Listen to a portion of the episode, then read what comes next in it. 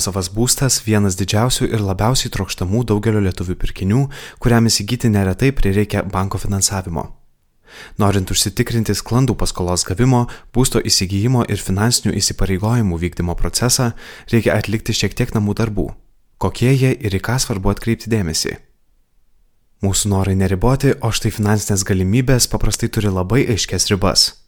Tad būsto pirkimo procesą reikėtų pradėti ne nuo norimo būsto paieškos, o nuo savo asmeninių ar šeimos finansinių galimybių įsivertinimo. Pirmiausia, reikėtų išanalizuoti savo pajamas bei išlaidas. Vertindami pajamas, dėmesį skirkite jų stabilumui, todėl skaičiuoti reiktų tik reguliariai gaunamas lėšas. Skaičiuodami išlaidas fiksuokite patiriamas ir būtinasias ir galimas išlaidas bei jau turimų įsipareigojimų mėnesio įmokas.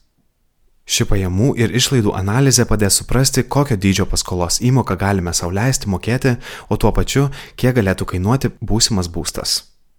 Įmokos už būsto paskolą ir kitus finansinius įsipareigojimus dalis neturėtų viršyti 40 procentų nuo mėnesio pajamų, tačiau dar saugesnė rekomenduojama riba būtų 30 procentų. Tai ypač aktualu šiuo laikotarpiu, kada auga tarp bankinių pasiūlymų rodiklis Euribor. Priklausomai nuo pasiskolintos sumos dydžio, šešių mėnesių Euribor rodiklio augimas gali lemti keliasdešimčia eurų ar dar didesnę paskolos įmoką ateityje. Nemažiau svarbus ir sukauptas pradinis įnašas.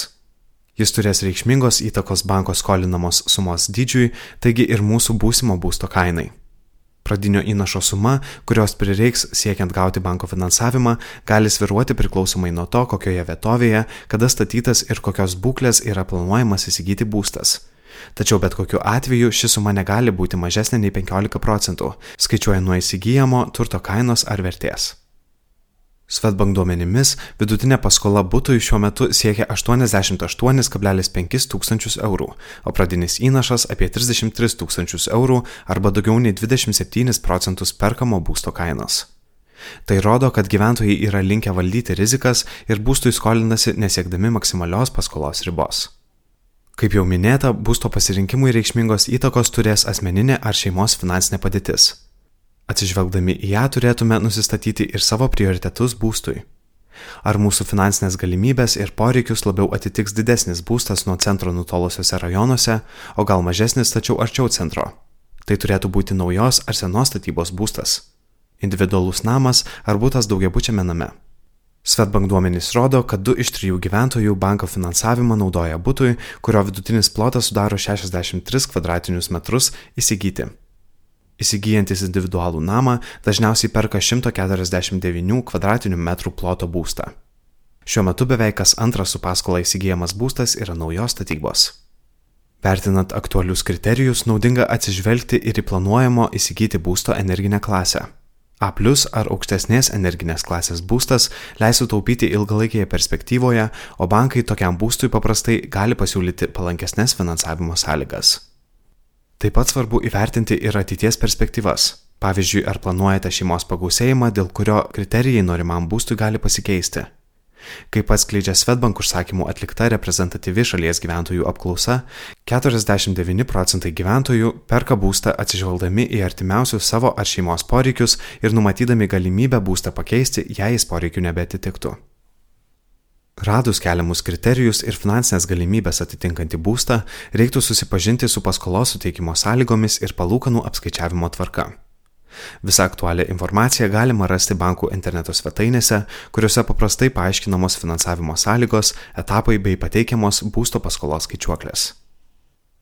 Norint sužinoti banko atsakymą dėl būsto paskolos bei gauti paskolos sąlygų pasiūlymą, paraišką paskolai gauti reikia užpildyti interneto banke.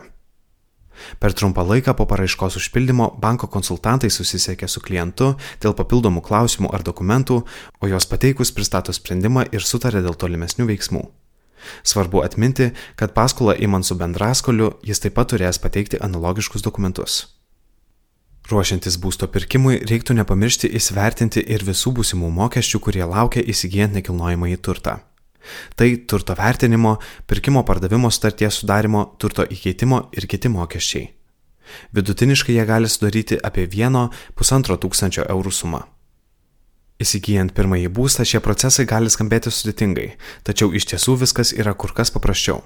Be to, banko konsultantai ir nekilnojamojo turto brokeriai, jei būstas parduodamas pasinaudojant jų paslaugomis, visą būsto įsigijimo ar kitimo procesą padės įveikti žingsnis po žingsnio. Komentarą paruošė Svetbank privačių klientų tarnybos vadovas Pavelas Dziato. Įgarsino Kristijonas Vačiukauskas.